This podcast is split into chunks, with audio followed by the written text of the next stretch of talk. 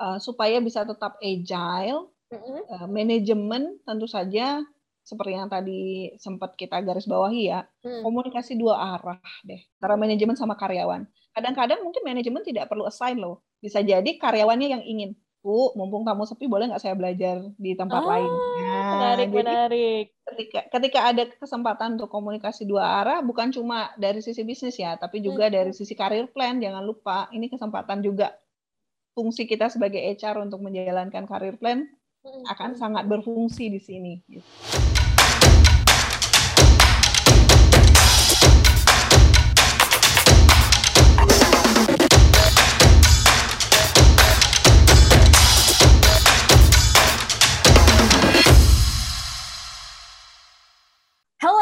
Everyone, welcome back to Curhat HRD. Terima kasih semuanya yang sudah mendengarkan podcast Curhat HRD kali ini.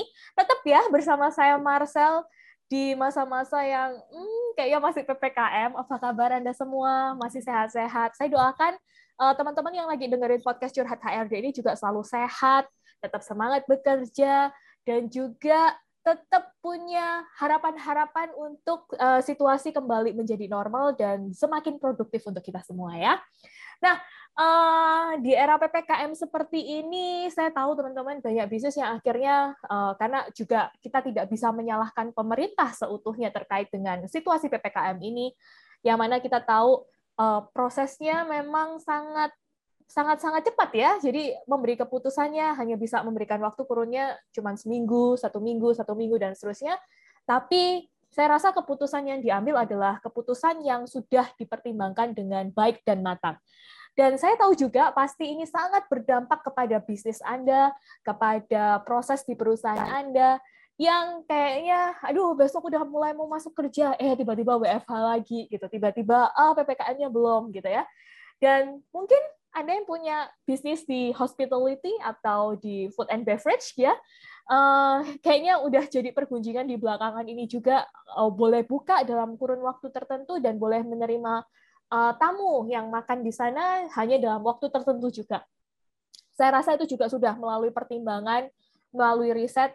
Jadi pemerintah pasti sudah melakukan hal yang terbaik dan mempertimbangkan hal yang baik untuk keselamatan keselamatan kita semua yang ada di sini gitu. Nah, maka teman-teman ini jadi isu yang menarik gitu ya karena memang bisnis harus sustain, uh, proses kita mengelola SDM juga harus terus berjalan pasti ada penyesuaian-penyesuaian yang penting di masa PPKM ini. Dan seperti biasa di bulan di bulan-bulan yang lain ya, kita juga di Sinergia selalu punya tema-tema khusus dan kebetulan di bulan Agustus ini kita punya tema secara khusus adalah tentang struktur organisasi dan job grading. Uh, makanya nih, kalau ngomongin struktur organisasi dan job grading, kita mau kerja sesuai dengan struktur organisasi lagi, di era PPKM seperti ini kayaknya saya juga bertanya-tanya ya, apakah dengan tetap menerapkan struktur organisasi yang ada, perusahaan kita jadi eh jauh nggak sih? Gitu. Makanya hari ini teman-teman saya nggak sendirian, saya pasti mengundang salah satu human capital expert, human capital practitioner yang memang sudah melalang buana gitu ya di bidang ini dan juga tidak hanya melalang buana, dia pasti bisa memberikan satu insight buat kita di hari ini. Cuman kayaknya ini teman-teman baru dengar satu nama ini dan juga baru kenal dengan satu orang ini karena saya yakin nggak pernah ada di podcast curhat HRD sebelumnya gitu. Um, saya langsung kenalin aja kali ya gitu. Saya hari ini diskusi akan diskusi ber, uh, bersama Kak Patma, saya panggilnya adalah Kak Patma ya. Kak Patma ini sebenarnya adalah seorang HR practitioner, HR eh, expert juga yang sudah melalang buana banyaknya adalah di dunia hospitality. Jadi saya mengundang teman-teman juga yang misalnya punya uh, apa ya bidang bisnis yang sama atau bergerak di uh, bidang yang sama, boleh loh juga share atau kalau ada curhat-curhat yang lain gitu boleh share juga di Instagram Sinergia di IG-nya at sinergia underscore konsultan. Tapi hari ini kita bersama Kak Padma akan secara khusus membahas tentang bagaimana struktur organisasi yang agile ya. Uh, jadi saya langsung mau nyapa aja. Halo Kak Padma. Halo Kak Marcel, apa hey. kabar? Tetap sehat Baik ya? banget, sehat, sehat. Kak Padma apa kabar? Uh, Astungkara sehat. Kalau di Bali kita bilangnya gitu. Nah, ini ini saya belum kenalin kalau Kak Fatma dari Bali udah langsung dari sapaannya muncul Astungkara ya? Astungkara sehat. Itu mirip kayak alhamdulillah. Gitu, ya, ya, ya, ya, ya, ya, alhamdulillah sehat gitu ya. Oke, okay. uh, bener banget. Jadi Kak Fatma ini teman-teman dari Bali, ya ampun. Kalau Anda sudah merindukan itu suasana Bali, ombaknya, terus kalau saya itu ya Kak Fatma gitu ya. Oh, suasana Ubud mungkin? Suasana Ubud betul. Kalau saya itu uh, justru di di balik apa namanya suasana Bali ya saya itu kalau di Bali kak, saya bilangnya itu kalau sama keluarga saya adalah aku suka bau Bali. Ayo, gimana dong wow, bau Bali? bau Bali, aroma pantainya kah? susah ya didefinisikan. Udaranya, definisinya susah itu. Iya, karena ketika ah. kalau biasanya saya nyampe gitu ya di bandara, uh, turun pertama itu baunya itu sangat khas gitu bau Bali kalau saya bilang. Mungkin hmm. karena ini ya, uh, apa namanya banyak dupa-dupa ya di jalan-jalan itu kan banyak ya kak ya. Bisa jadi. Ah, bisa jadi. Itu yang kayaknya wah aroma gitu. bunga yang aroma banyak bunga. mungkin juga mempengaruhi uh, bunga Kamboja kan banyak. Ah benar-benar benar. Pinggir-pinggir jalan banyak. Betul betul betul. Duh kayaknya saya kangen banget. Vibes-nya, vibes Bali banget. Vibes-nya, ya, ya benar. Saya kangen banget ke Bali gitu. Walaupun uh, di masa-masa bulan apa ya kak ya? Bulan Mei ya sebelum Lebaran kita sempat ketemu ya kak Fatma. iya. Uh, itu itu terakhir kali ya berarti jalan-jalan iya, ke Bali-nya ya. Setelah bener, itu bener. ditutup PPKM ya. Iya, dan saya bersyukur saya masih bisa ke Bali walaupun di era pandemi seperti ini. Waktu itu memang kita uh, ada satu assessment gitu teman-teman. Jadi saya bersyukur banget masih bisa ke Bali kemarin dan akhirnya ditutup lagi. Uh, saya dengar waktu itu dari Kak Fatma, uh, rencananya Bali akan dibuka uh, waktu liburan Juni-Juli ini ya? Iya, waktu itu kita disampaikan itu Juli opening. Wah, Wah kita udah seneng banget tuh teman-teman. Tapi ternyata sayang sekali ya. Uh, terpaksa harus ditutup lagi nih. Uh, sayang uh, banget. sayang Tapi banget. kita yakin seperti yang tadi bilang sama Kak Marcel bahwa uh, pemerintah pasti sudah mempertimbangkan berbagai sisi ya. Jadi hmm. bukan hmm. hanya ekonomi tapi juga mempertimbangkan keselamatan masyarakat umum ya. Iya, iya, iya, betul sesuatu yang lebih besar gitu. Betul, betul, betul. Jadi kalau teman-teman bisa membayangkan gitu ya, apalagi mungkin teman-teman yang sudah traveling ke Bali saat masa pandemi, itu memang kondisinya sangat-sangat menyedihkan ya kalau buat saya Kak ya, yang tahu hypes-nya di Bali seperti apa sebelumnya sampai pada kondisi saat ini, uh, itu jadi satu hal yang memang buat saya itu aduh gini amat ya gitu. Efeknya itu sampai sebegininya ya ke bisnis, ke kesejahteraan masyarakat terutama ya Kak ya. Wah, luar biasa banget impact-nya, Kak. Karena kan uh, tulang dari perekonomian Bali itu memang pariwisata ya. Turisme. Mm -hmm. Jadi uh, aspek atau lini bisnis yang lain, agrobisnis, semuanya juga uh, ujung-ujungnya lihatnya pariwisatanya hidup atau enggak gitu. Oke, oke, oke. Berimbas ke semuanya gitu. Ya, ya, ya, ya.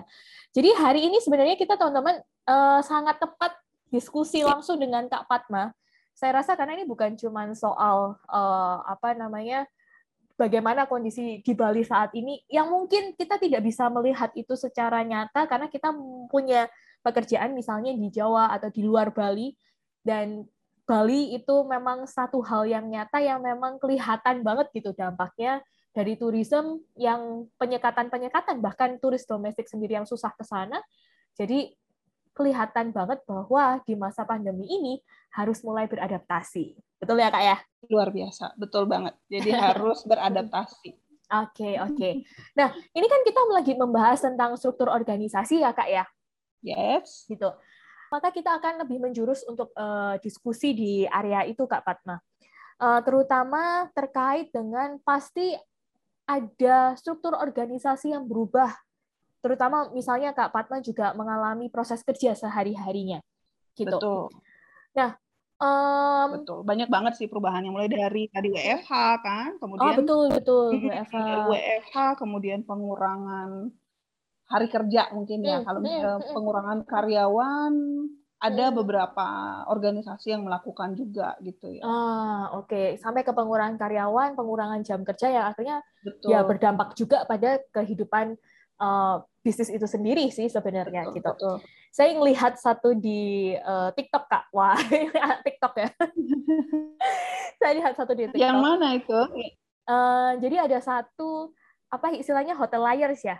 Kalau misalnya hotel kan? ya hotel layers ya itu uh, orang-orang yang bekerja di hotel uh, ketika masa ppkm muncul ada salah satu content creator dan dia hotel layers terus habis itu dia bilang bahwa wah ini aku harus siap-siap walaupun aku sales aku harus bisa jadi tukang kebun gitu. Ih, ekstrim banget kak tukang kebun, nah, kebun. kemudian ini ke dapur, dapur betul semuanya. Betul. Nah, kira-kira ya kak ya. Palu gada deh pokoknya. Palu gada, palu gada itu apa ini? Apa aja apa lu mau, gue ada. ada. Iya, jadi kita terpaksa kan, maksudnya kita harus benar-benar agile karena siapa yang mau ngerjain kalau bukan kita gitu kan. Nah, benar benar benar. Nah, sebenarnya Kak, berarti ada kalau balik ke struktur organisasi banyak sekali struktur organisasi yang berubah ya. Oh, total Kak. Ini kayaknya total rombakan total ya, benar-benar rombakan total. Nah, so uh, apa ya hal yang menyebabkan dari sisi ini ya? Mm -mm. Uh, jadi pertama dari sisi jumlah kamar, misalnya kita ambil contoh di hotel gitu ya. ya. Jumlah kamarnya berapa? Mm. Uh, itu sebenarnya ketika opening sudah diperhitungkan kan rasio karyawan yang akan bekerja di sana berapa. Oke, okay, betul betul. Betul. Hmm. Tapi dengan jumlah uh, hunian yang sangat rendah gitu, bisa dibilang single digit occupancy, uh, kadang satu hari kita cuma ada enam kamar, otomatis kan nggak bisa punya karyawan dengan rasio jumlah yang sama gitu. Hmm. Berubah banget sih Kak pasti. Berubah banget ya. Oke, oke, oke.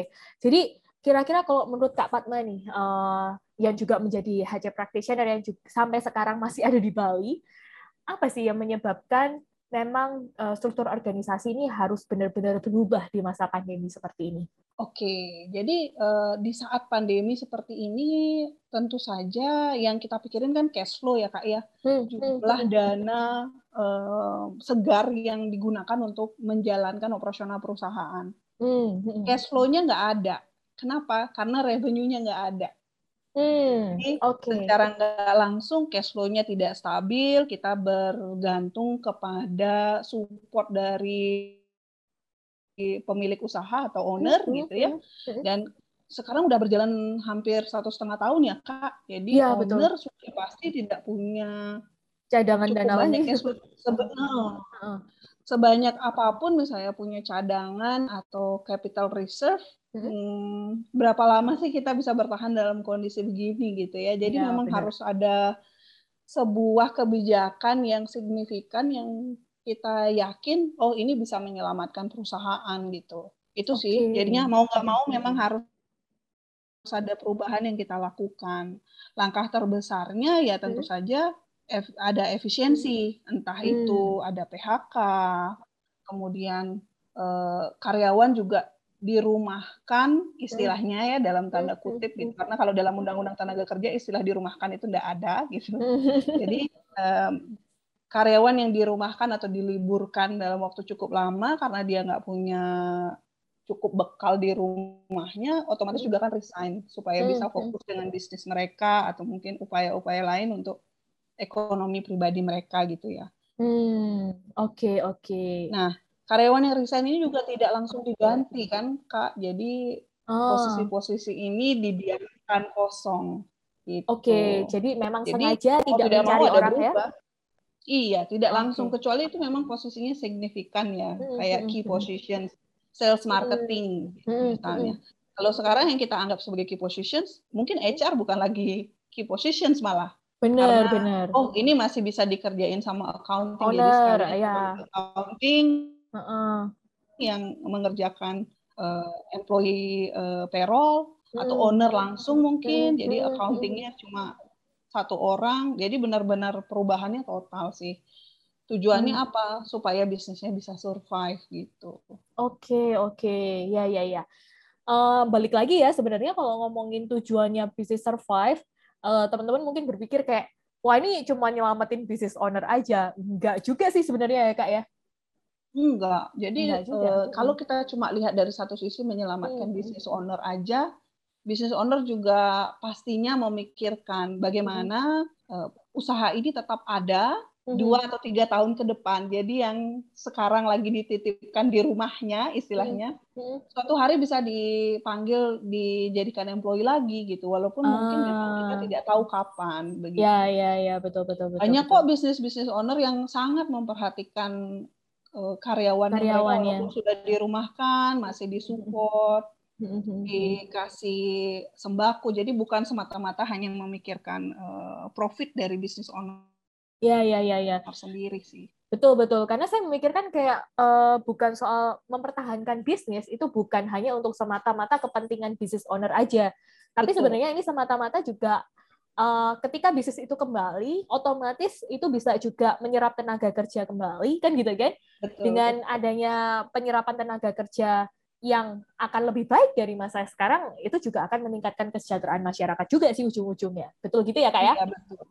Oke, okay, oke. Okay. Nah. Jadi bukan cuma semata-mata bisnis owner aja. Tapi hmm. ada impian yang lebih besar juga ini gimana caranya bisa Betul. survive bareng-bareng ya, gitu kan uh, bareng-bareng lagi sama-sama lagi gitu. Oke oke oke oke. Nah, um, kak itu tadi kayak juga apa ya? Jadi membukakan mata saya kembali gitu bahwa sebenarnya ya juga ya dengan adanya pengurangan karyawan mungkin uh, ada karyawan yang akhirnya resign dan akhirnya tidak di, dicari lagi posisi itu.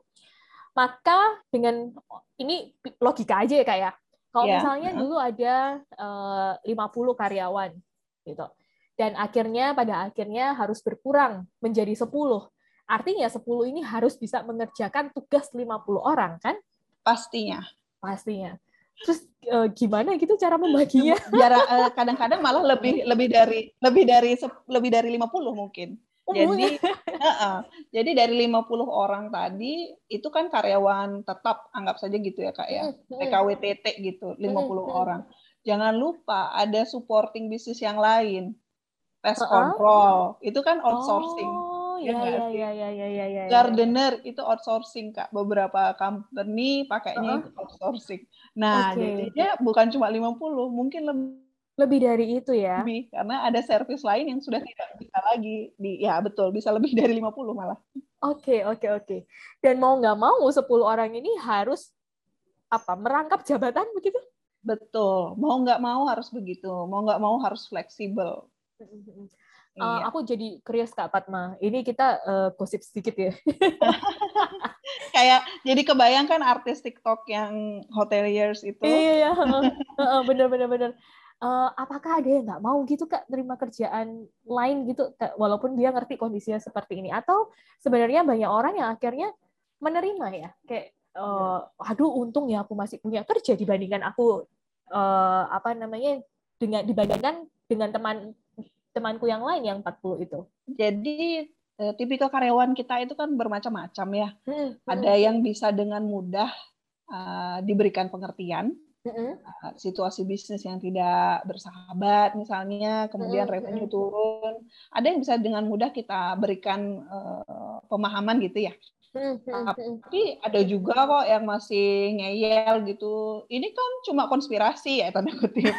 Kenapa sih? ya, ya, ya, banyak kenapa ya. sih owner nggak mau nggak mau pekerjakan kita full? Bu, gitu. Masih ada perlawanan-perlawanan seperti itu. Kita nggak ah. bisa, Bu, kerja dengan jumlah sekian. Kita kita perlu orang-orang yang memang spesifik skillnya. Oke. Okay. Uh, ini kan keahliannya nggak bisa nggak bisa belajar sehari dua hari, Bu. Masa uh. dikasih karyawan yang nggak pernah di kitchen misalnya. Uh, uh, uh, uh, uh. kali resistensi itu bukan karena dikasih tugas tambahan, hmm. tapi ketika dikasih support dari tim yang mungkin tidak memiliki keahlian tersebut itu. Okay, jadi resistensinya okay. ada dua gitu. Iya iya iya iya. Ya. Kak aku jadi curious gitu kan karena dirimu yang menghadapi orang-orang itu di lapangan kan. iya. Uh, seru. Seru kan?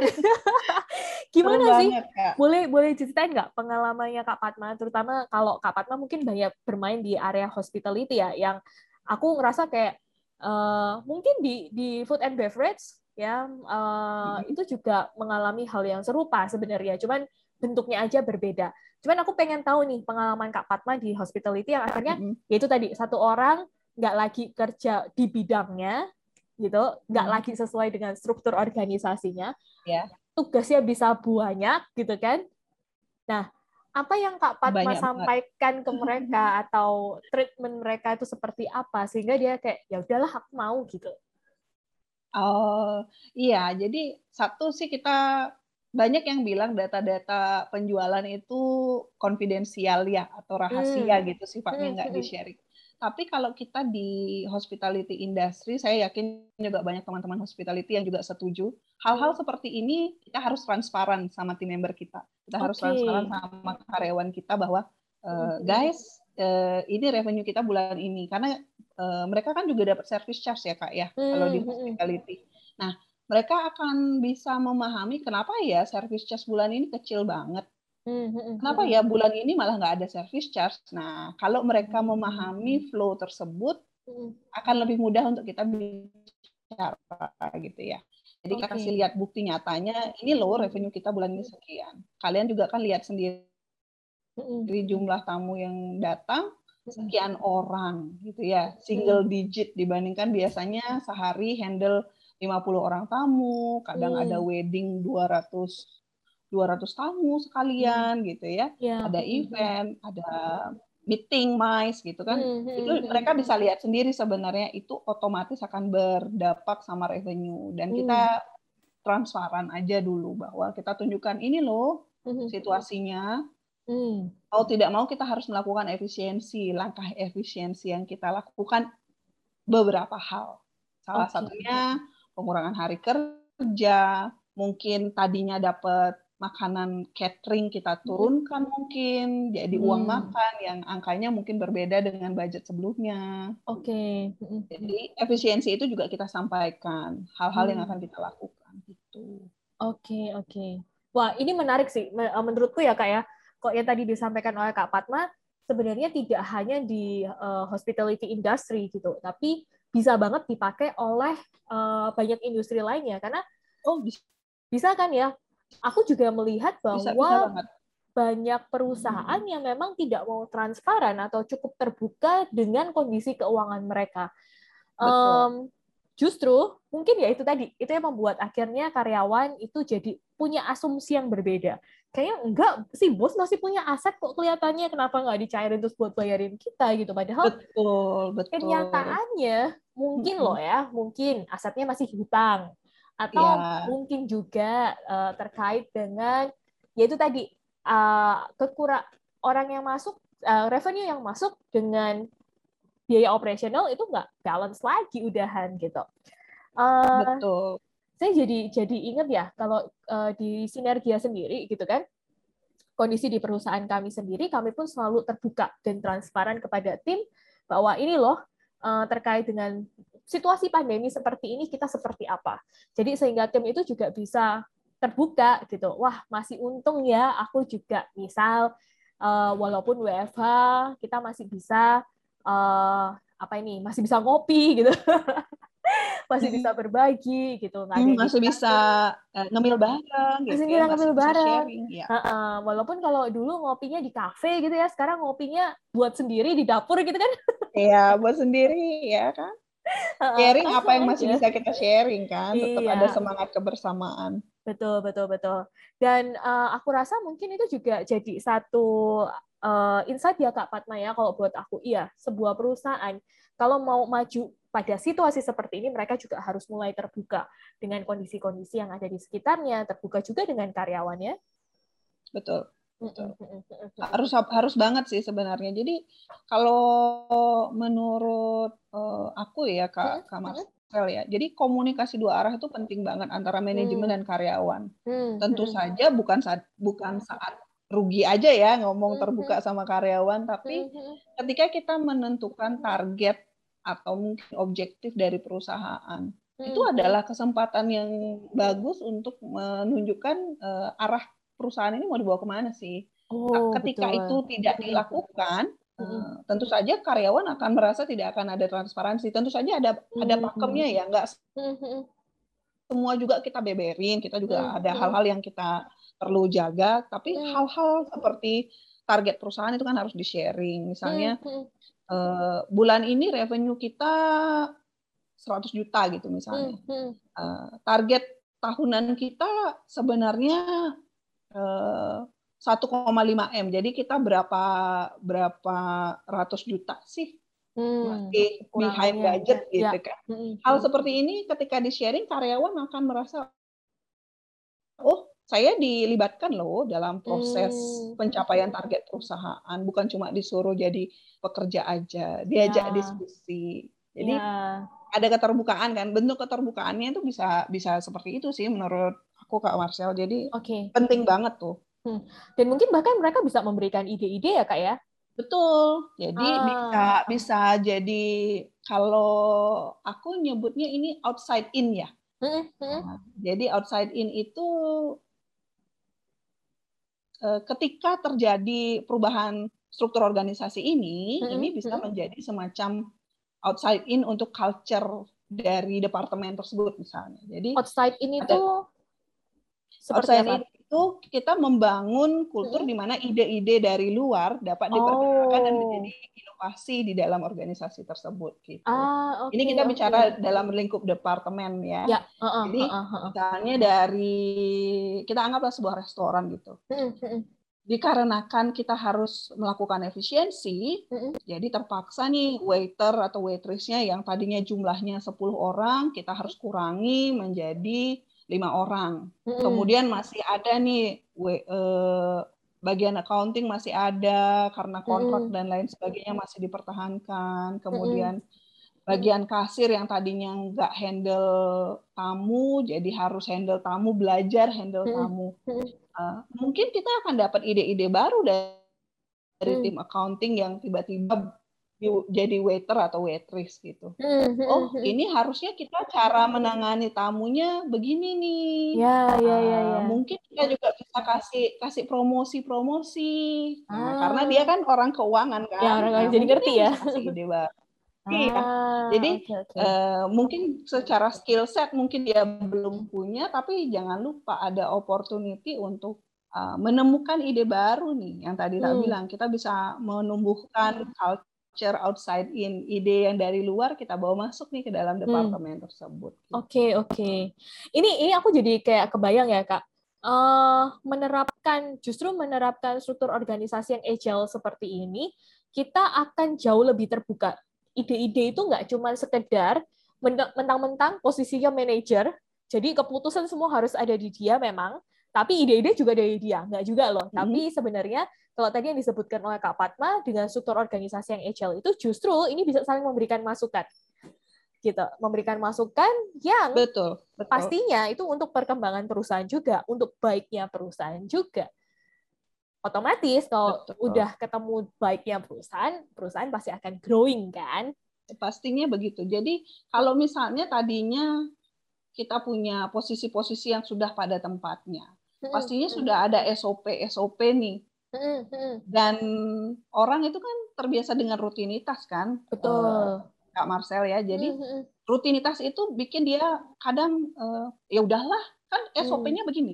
Mereka kadang tidak mau melihat uh, kemungkinan atau opportunity yang bisa dilakukan di luar dari SOP itu. Nah, orang-orang baru ini kan ketika mereka di ditransfer, diminta untuk mengerjakan sesuatu di luar pekerjaan yang mereka biasanya lakukan, mereka akan keluar ininya.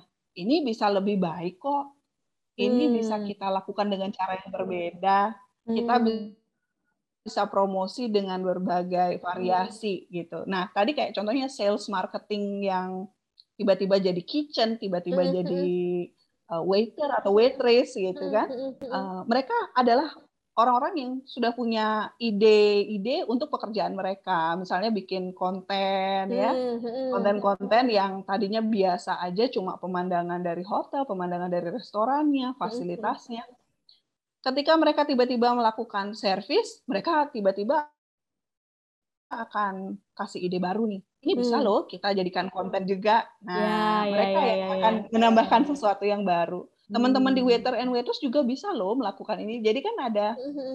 ada training jadi semacam mm-hmm. cross training di antara mereka nih yang dilakukan saling tukar hmm. informasi tukar ide yang mungkin tadinya nggak kepikiran nih pada hmm. saat kondisi normal bukan pandemi ya nggak kawan benar benar benar. ketika kepepet kan orang jadi lebih kreatif biasanya. betul ya betul betul. Itu aku sebut sebagai berkah pandemi. Gitu iya ya. blessing in disguise-nya pandemi blessing in disguise benar benar benar jadi uh, kayak ya ya kita tidak menutup apa ya satu kemungkinan bahwa benar apa pun kejadiannya pasti selalu ada plus dan ada ada ada minusnya gitu. Dengan begitu mungkin Anda juga bisa melihat potensi-potensi yang ternyata eh uh, si A itu ternyata oke okay juga ya kalau dia nanti dipindah ke bagian ini gitu karena dia sudah mengalami satu proses uh, pindah Betul. dari pekerjaan lain ke dari pekerjaannya ke pekerjaan lain. Dia bisa eh jauh ternyata eh ternyata dia punya nilai tambah loh untuk perusahaan ini. Ya kenapa enggak? Ada lebih percaya gitu kan sama dia. Betul betul betul banget. Ini kejadian loh baru aja ini kejadian oh, ya? di uh, uh, perusahaan tempat aku kerja sekarang. Okay. jadi ada seorang uh, team member gitu ya. dia dipindah tugaskan hmm. dipindah tugaskan ya salah satunya karena pandemi ini Oke. Okay. Karena kita harus melakukan beberapa efisiensi.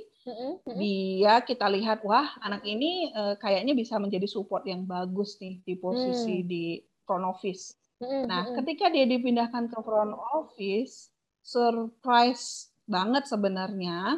Jadi dia sudah tiga bulan berturut-turut menjadi top scorer, top scorer untuk guest comment ya kak. Jadi mm kalau orang-orang rata-rata bisa dapat guest comment uh, dua atau tiga per bulan, nah tim member yang ini saking spesialnya dia, dia bisa explore juga bakatnya dia gitu.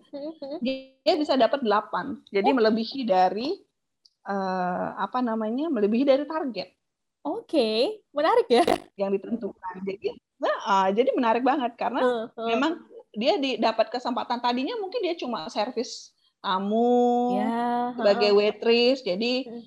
tidak banyak kesempatan untuk ngobrol jadi sekedar hanya untuk serving makanan dan minuman hmm. ke tablenya tamu hmm, nah sekarang ketika dia dipindahkan ke front office melakukan tugas yang fokus hmm. untuk uh, memastikan kepuasan tamu dia malah bisa dapat lebih optimal dari yang sebelumnya ya enggak Oke, okay, iya benar-benar. Dan apakah artinya jadi dengan struktur yang agile ini bagus banget.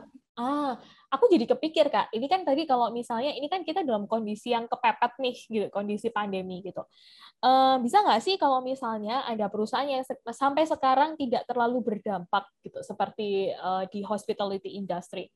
Uh, memungkinkan nggak ya, menurut Kak Patma nih, menurut kacamata Kak Patma sendiri ya, memungkinkan mm -hmm. atau tidak jika kita uh, apa saling saling mix and match struktur organisasi. Contohnya, Kak, contohnya.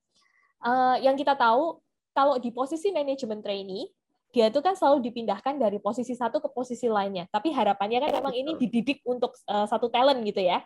Iya, dipersiapkan untuk dipersiapkan uh, posisi uh manajemen biasanya. Betul, betul gitu.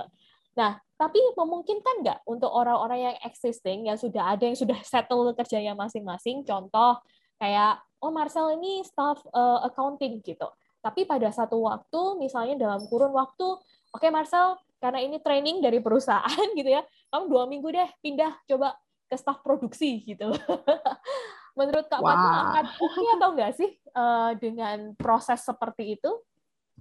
Bisa banget. Hmm. Bisa banget. Sekarang tinggal komitmen dari perusahaan aja ya. Ah, Jadi okay, okay, manajemennya okay. komit nggak minggu itu digunakan dalam tanda kutip ya belajar hmm. gitu. Jadi ada resiko untuk fail kan? Hmm. Ada resiko untuk terjadi kesalahan karena dia melakukan pekerjaan yang di luar uh, pekerjaannya dia sehari-hari atau hal yang sudah dia ditrainingkan setahun dua tahun sebelum hmm. gitu ya.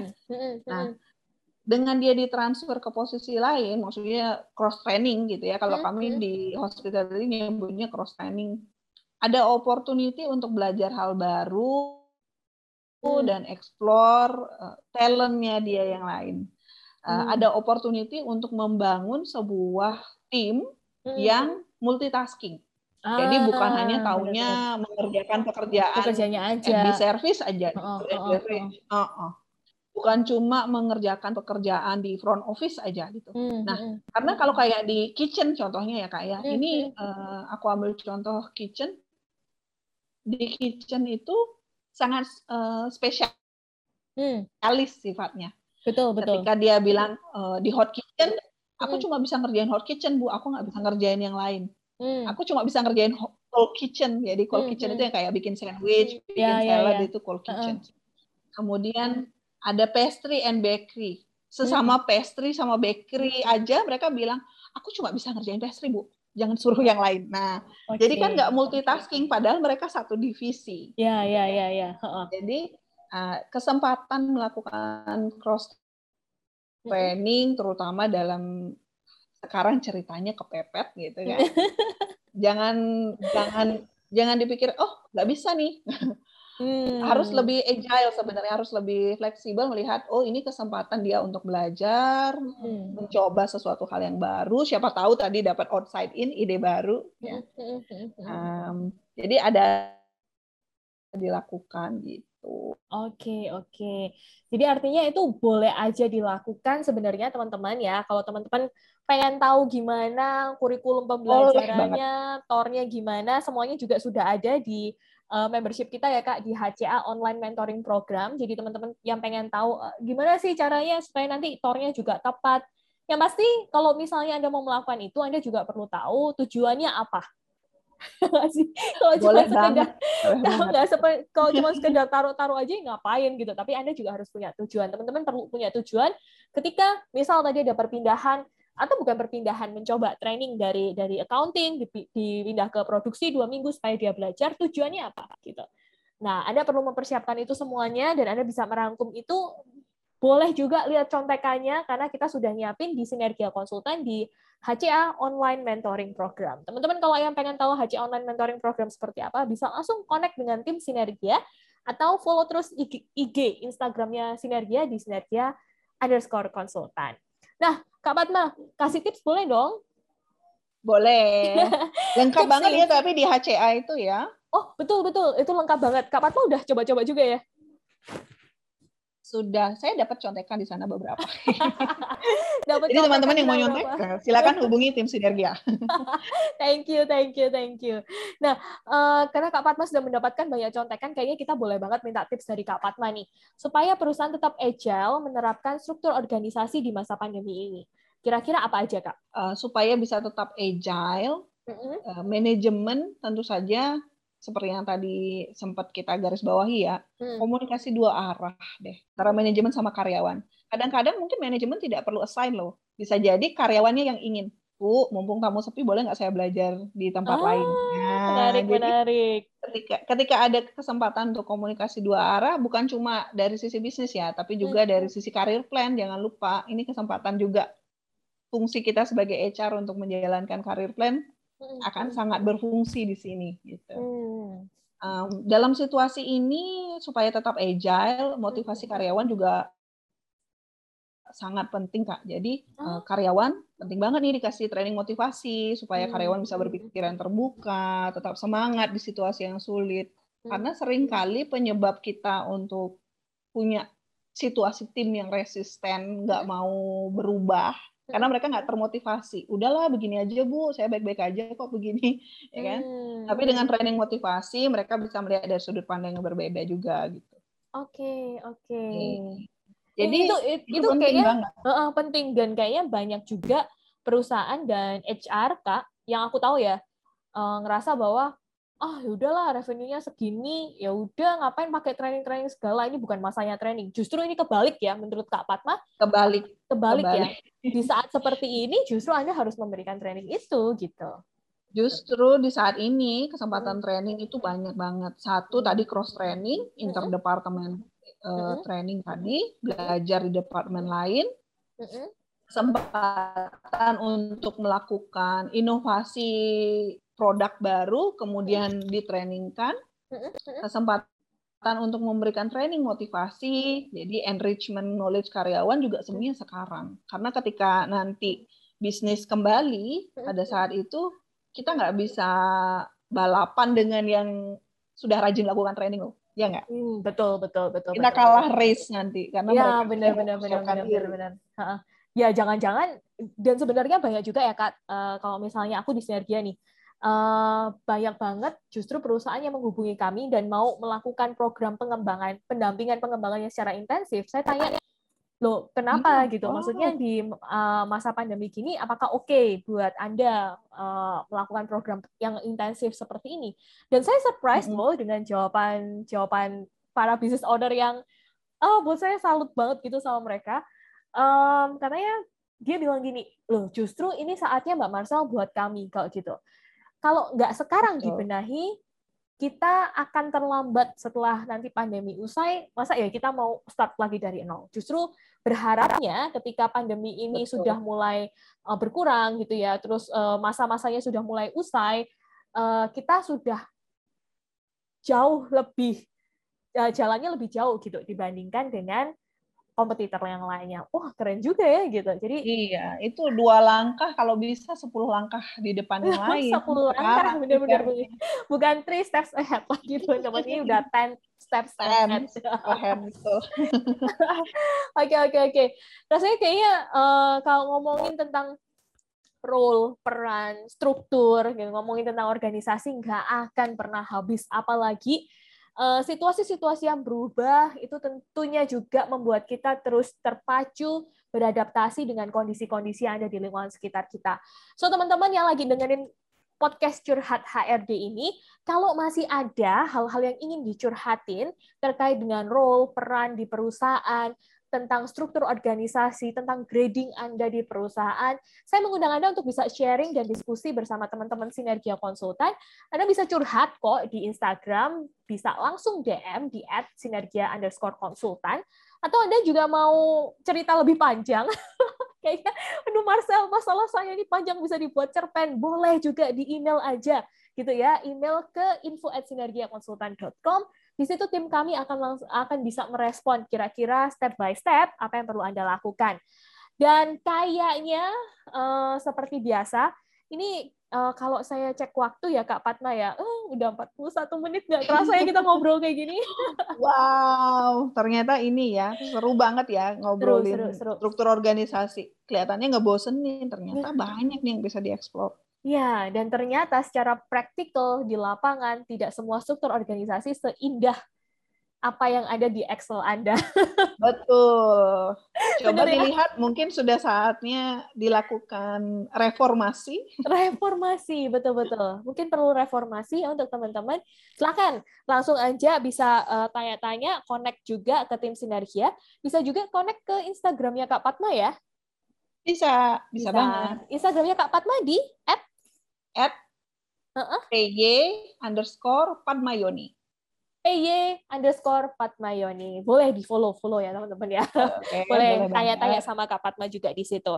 Dan terakhir Kak, sebelum kita menutup diskusi di podcast Curhat HRD episode kali ini, kira-kira apa nih take away yang bisa uh, Kak Padma sharing ke teman-teman yang dengerin podcast Curhat HRD terkait dengan struktur organisasi yang agile? Yang terpenting ya, yang terpenting adalah always have an open mindset. Jadi okay. selalu bersikap terbuka dengan perubahan, gitu ya. Karena kita sebagai HR ini kan kita the change agent ya nggak sih Kak Marcel. Jadi oh. situasinya boleh sulit, situasinya boleh berat. Tapi hmm. jangan lupa peranan kita nih sebagai seorang agen perubahan. Hmm. Di sini nih benar-benar ditantang ya nggak? Saya mau bilang ampun kak Pat. agen perubahan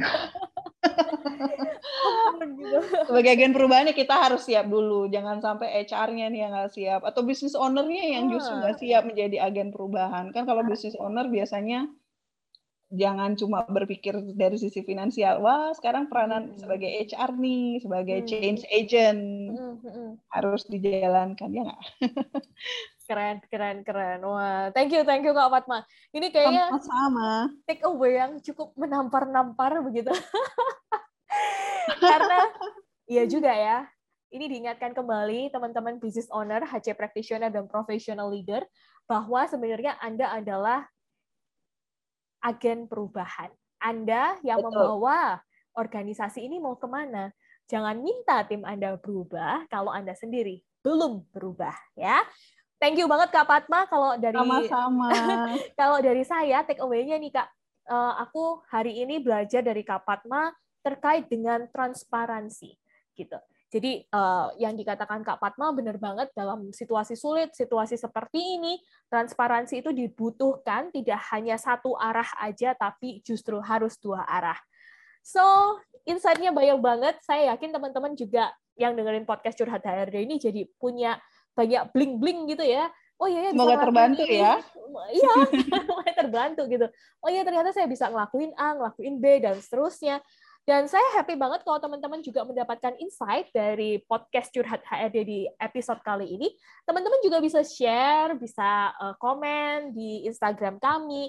Uh, apa sih insight yang Anda dapat dari podcast Curhat HRD kali ini?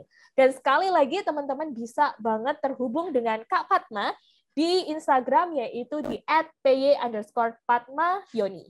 Betul ya Kak ya? Betul, betul, betul. banget. Dan jangan lupa teman-teman curhat HRD, eh, Anda bisa curhat-curhat tetap di email kami di info@sinergiakonsultan.com atau di Instagram kami di @sinergia underscore konsultan. Nah, uh, thank you buat Kak Patma yang sudah menemani diskusi kita hari ini. Thank you juga undangannya buat Sinergia dan juga ya. Kak Marcel. Lain kali boleh ya Kak lagi ya? Boleh dong, pastinya. Seru Senang kan banget ya? bisa sharing-sharing. Ah, thank you. Discussion-nya jadi banyak ide juga. Iya, jadi banyak ide. Oke, oke, oke. Saya juga berterima kasih buat teman-teman podcast Curhat HRD yang sudah mendengarkan sesi hari ini. Dan saya berdoa buat teman-teman semua, semoga bisnis Anda lancar, semoga pekerjaan Anda dalam mengelola SDM juga selalu um, selalu berjalan maju dan berkembang ya. Dan pastinya, please stay safe, stay productive, and keep your energy to sell Bye-bye. Thank you, Kak Fatma. Bye. Bye. Take care.